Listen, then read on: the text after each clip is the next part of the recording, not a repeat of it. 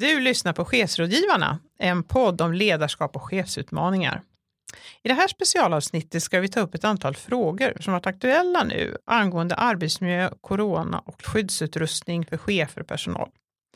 Och besvara ett antal frågor som har med bestämmelser, lite grann det här runt arbetsmiljölagar och lite föreskrifter.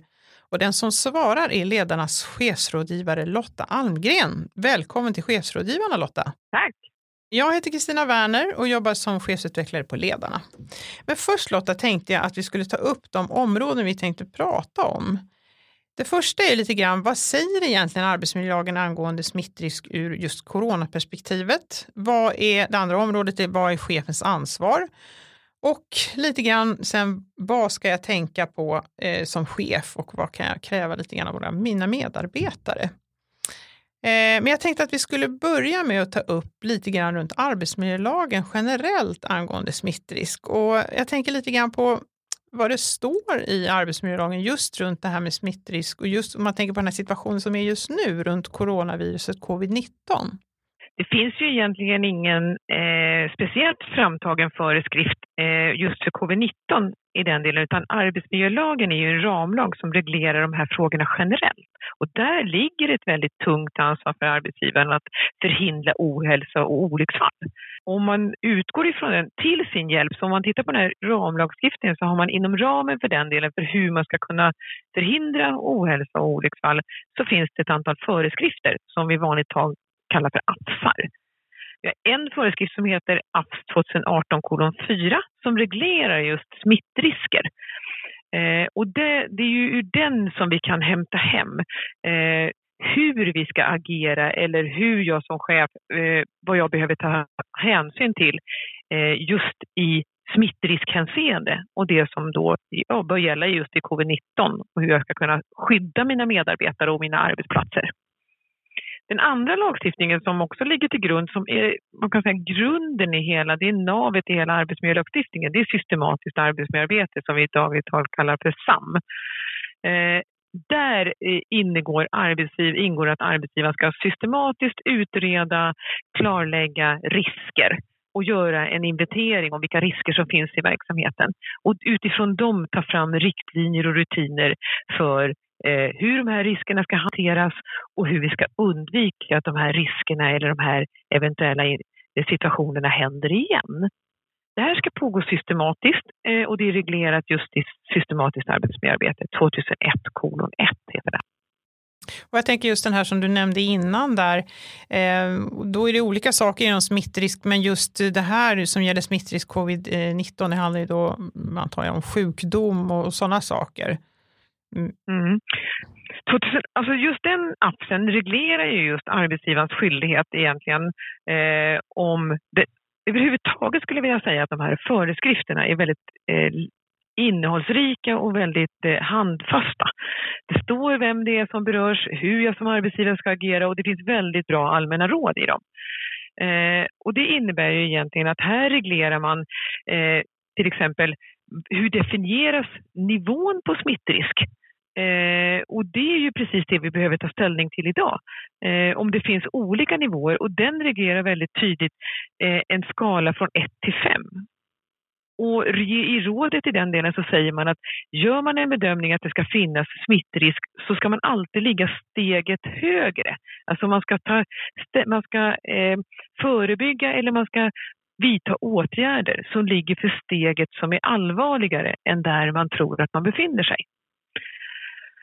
Eh, det är en bra del som finns i den här delen. Den andra delen som är att den reglerar också vilken typ av skyddsutrustning arbetsgivaren är skyldig att, att tillhandahålla för medarbetare eh, som jobbar just inom ramen för risk för smitta eller med smittat material eh, eller att man, har, eh, att man ska förebygga att smitta sprids inom enheten eller liksom både till enheten men även inom enheterna.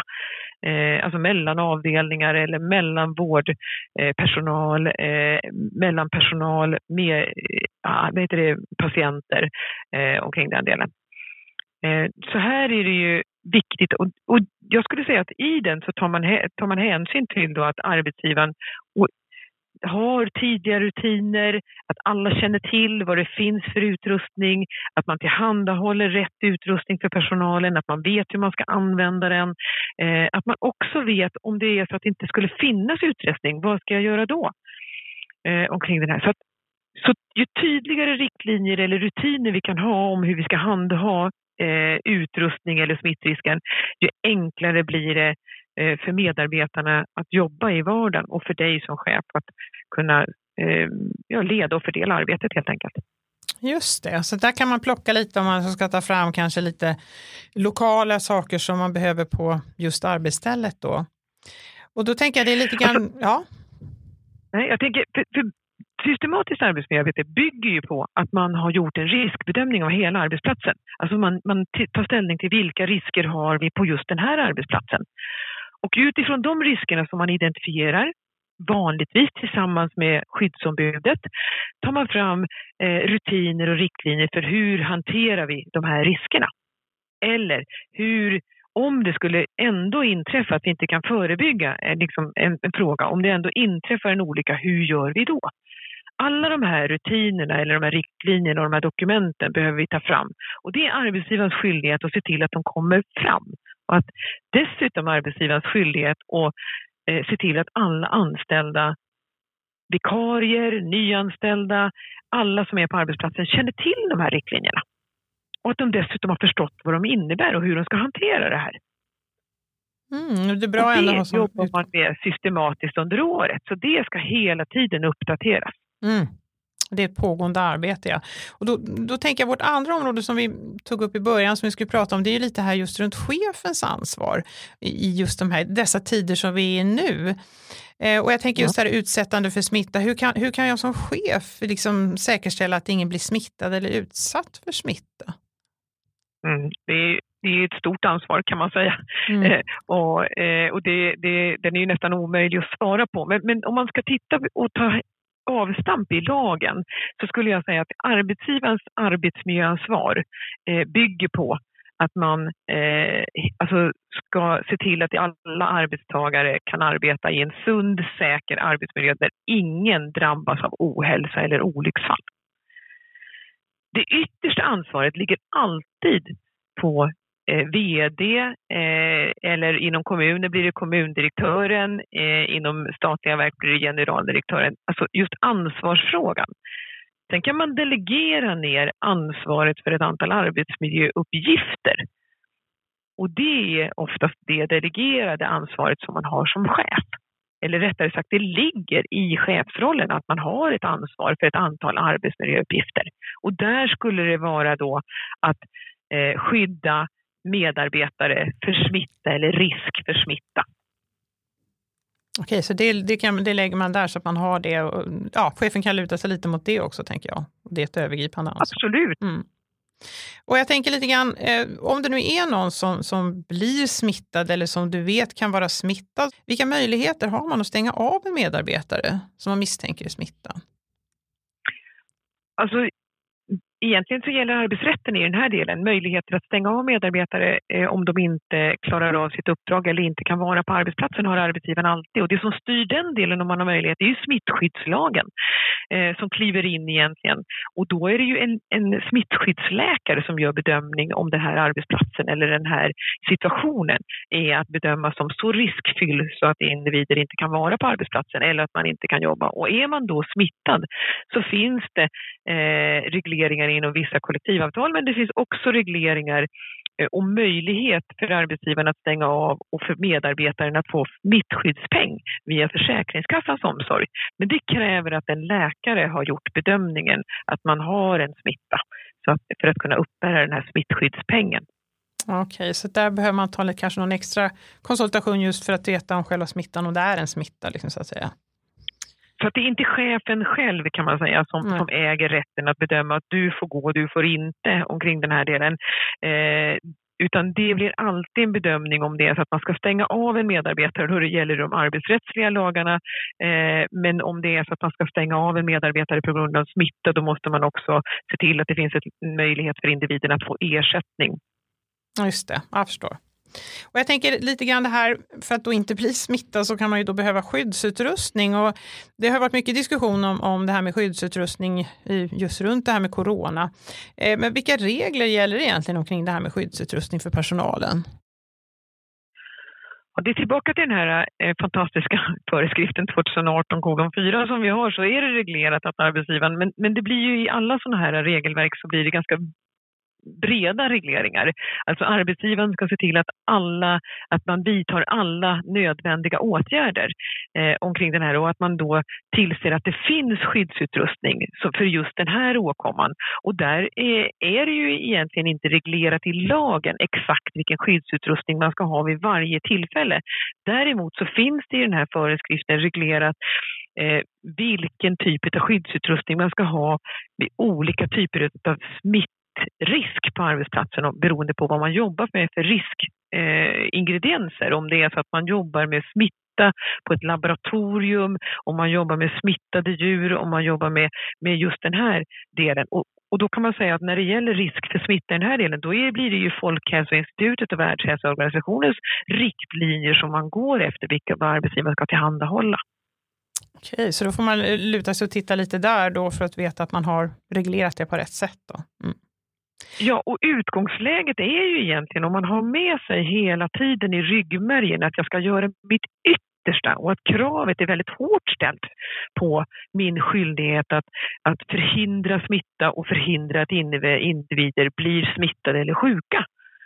Eh, alltså då måste jag göra allt som står i min makt eh, egentligen. Vilket gör att, att, och det finns egentligen inga direkta ekonomiska hinder om man nu ska vara krass.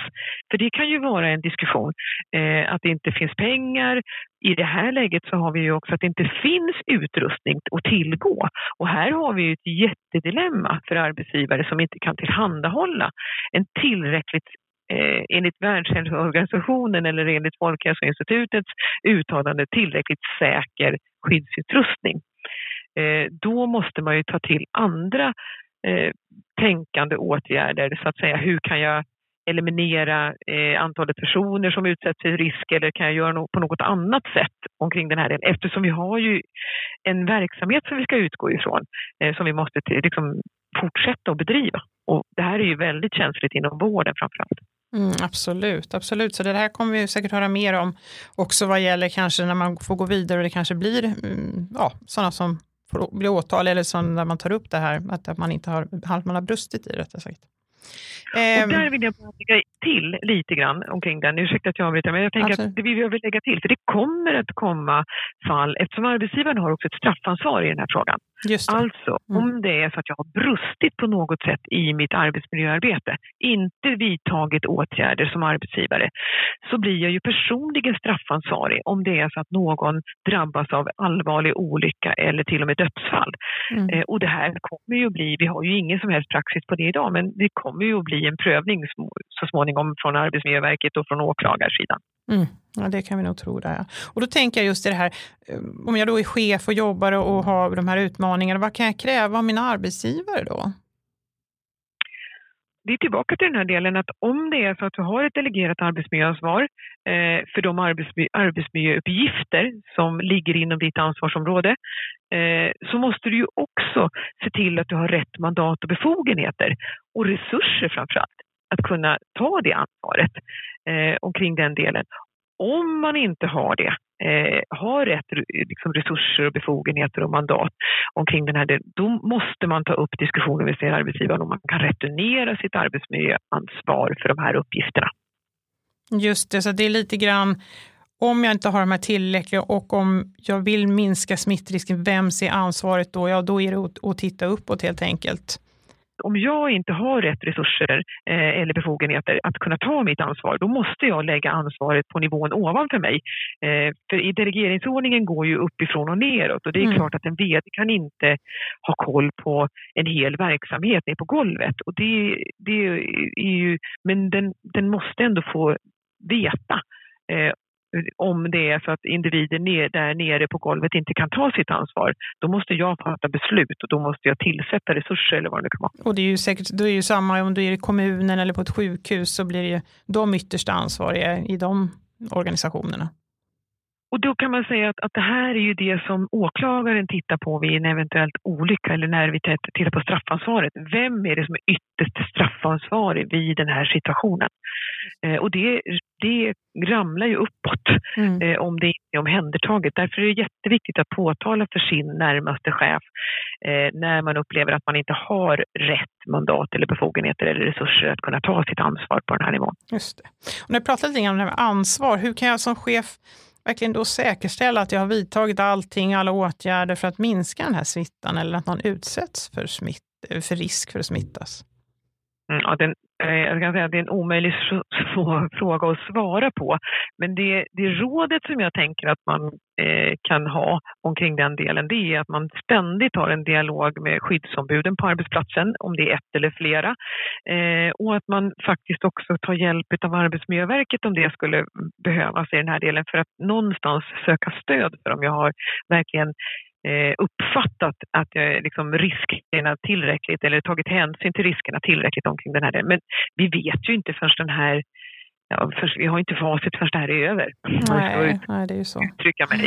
Eh, det är inte förrän vi har den här frågan prövad om vi har vidtagit alla möjliga delar. Men se till att man involverar eh, skyddsombudet på arbetsplatsen. För det är skyddsombudet som tillsammans med dig som arbetsgivare eh, ska bevaka och eh, samverka med dig när det gäller arbetsmiljöfrågor och tillvara på ta medarbetarnas intresse och se till att arbetsgivaren verkligen tar sitt ansvar. Just det, du pratar om den skyddsombud. Hur, hur, hur kan jag eller hur börjar jag liksom involvera skyddsombudet då? Det bör ju vara en naturlig del i min vardagliga systematiska arbetsmiljöarbete att skyddsombudet alltid är med vid riskbedömningar och konsekvensanalyser utav den vardagliga bedriften eller driften överhuvudtaget på arbetsplatsen. Har man ett, ett, eh, ett ett upparbetat eh, samarbete med skyddsombudet så är oftast det här inget problem. Eh, problemet blir ju om det är så att vi har, inte har de här kanalerna och skyddsombudet ser sig nödgad utifrån sitt mandat, utifrån sin ställning som skyddsombud, att faktiskt påtala för arbetsgivarna att arbetsgivarna inte har vidtagit rätt resurser, tillräckligt med resurser. Och där finns det ett väldigt starkt mandat hos skyddsombudet eh, från Arbetsmiljöverket och lagen eh, som står bakom den delen, att de faktiskt till och med eh, har en skyldighet att påtala för arbetsgivaren att de ska vidta åtgärder. Om arbetsgivaren inte lyssnar på det så kan man gå vidare med att anmäla det till Arbetsmiljöverket enligt en 66A som man säger. Just det, och apropå det här med, skyddsombud, vad den kan göra. Om det här skyddsombudet jag har kontakt med nu faktiskt ställer krav på att stänga verksamheten, vad, vad, vad gäller då? Ja, eh, det här är ju eh, ett jag skulle säga att den situationen hoppas man inte ska kunna behöva uppstå. Den bör inte behöva uppstå om det är så att man har ett samarbete med skyddsombudet. Eh, men är det så att, att skyddsombudet upplever att den inte, arbetsgivaren inte lyssnar eh, på de riskerna som man hela tiden tar upp med arbetsgivaren och inte vidtar de åtgärder. Och det är ju långtgående åtgärder som arbetsgivaren måste vidta. Om arbetsgivaren inte gör det så äger ju arbetsgivaren, eller skyddsombudet rätten att stänga arbetsplatsen.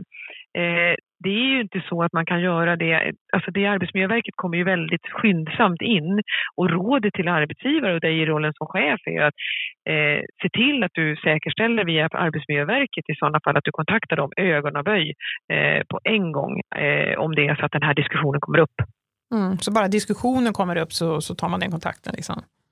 Ja, jag mm. skulle råda det att så tidigt som möjligt eftersom det är, det är ju så att om skyddsombudet börjar stänga då ställer ju det till det. Då måste ju Arbetsmiljöverket gå in och fatta beslut om det så att man ska öppna verksamheten igen och det gör de skyndsamt. Men jag skulle vilja säga att de har en del att göra.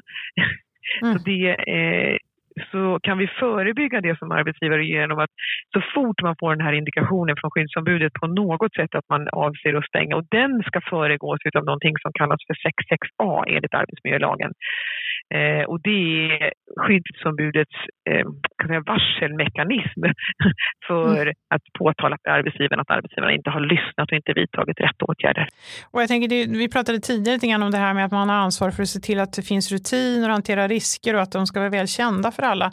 Eh, då, då börjar jag ju då jobba som chef också med utbildning, information, eh, kontinuerligt naturligtvis i det systematiska arbetsmiljöarbetet, men det kanske ska vara speciellt nu under den här tiden eh, tänker jag. Alltså jag tänker att det är ännu viktigare just med kanske under den här tiden eftersom det om vi inte har ett, ett läge som i den här delen med corona så har vi kanske inte samma fokus på skyddsutrustningen, vi har inte samma fokus på, på eh, just omkring de säkerhetsåtgärder, att vi inte har lyft de här frågorna. Eh, men det är arbetsgivarens skyldighet att skyndsamt lyfta de här föreskrifterna, att se till, om vi då byts ut personal, om vi får vikarier, om folk blir sjuka, vi tar in väldigt mycket ny personal, så blir det ju oerhört viktigt att man har fokus på introduktionen och att de här delarna finns med i introduktionen så att alla eh, liksom, möjliga risker elimineras.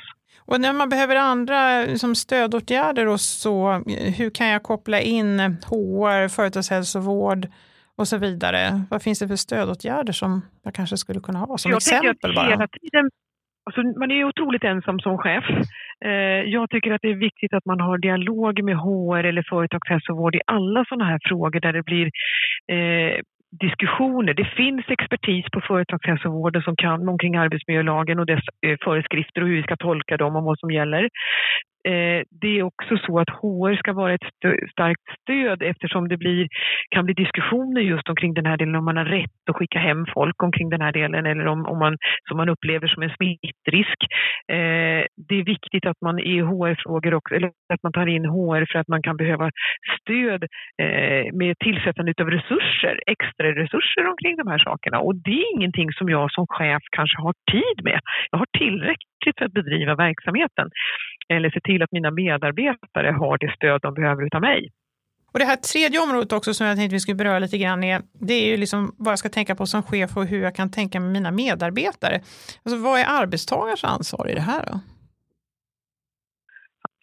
Det vi har pratat om hittills är arbetsgivarens ansvar att säkerställa produktionen och att se till att man verkligen eh, tar sitt ansvar när det gäller att vidta åtgärder för att minska smittrisk eller smitt, risk för smitta eller att medarbetare blir sjuka på ett eller annat sätt.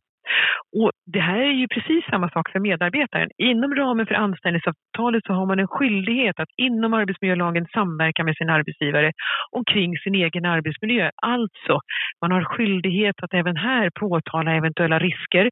Man har skyldighet att ta ansvar och använda skyddsutrustning. Använd, ta reda på att jag använder skyddsutrustningen på korrekt sätt. Påtala för arbetsgivaren om det skulle finnas brister på ett eller annat sätt i skyddsutrustningen eller omkring den. Så att arbetsgivaren verkligen kan ta sitt ansvar.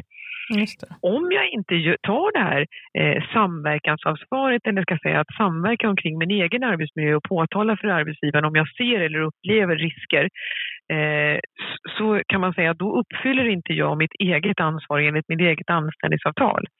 Sen är det viktigt att påtala, tycker jag, att det, skyddsombudet blir kanalen väldigt tydligt mellan arbetsgivare och arbetstagare i, när vi pratar om riskbedömningar på arbetsplatser överhuvudtaget.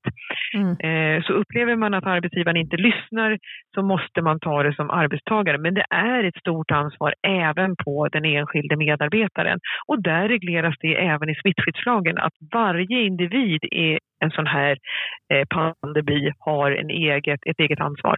Mm, just det.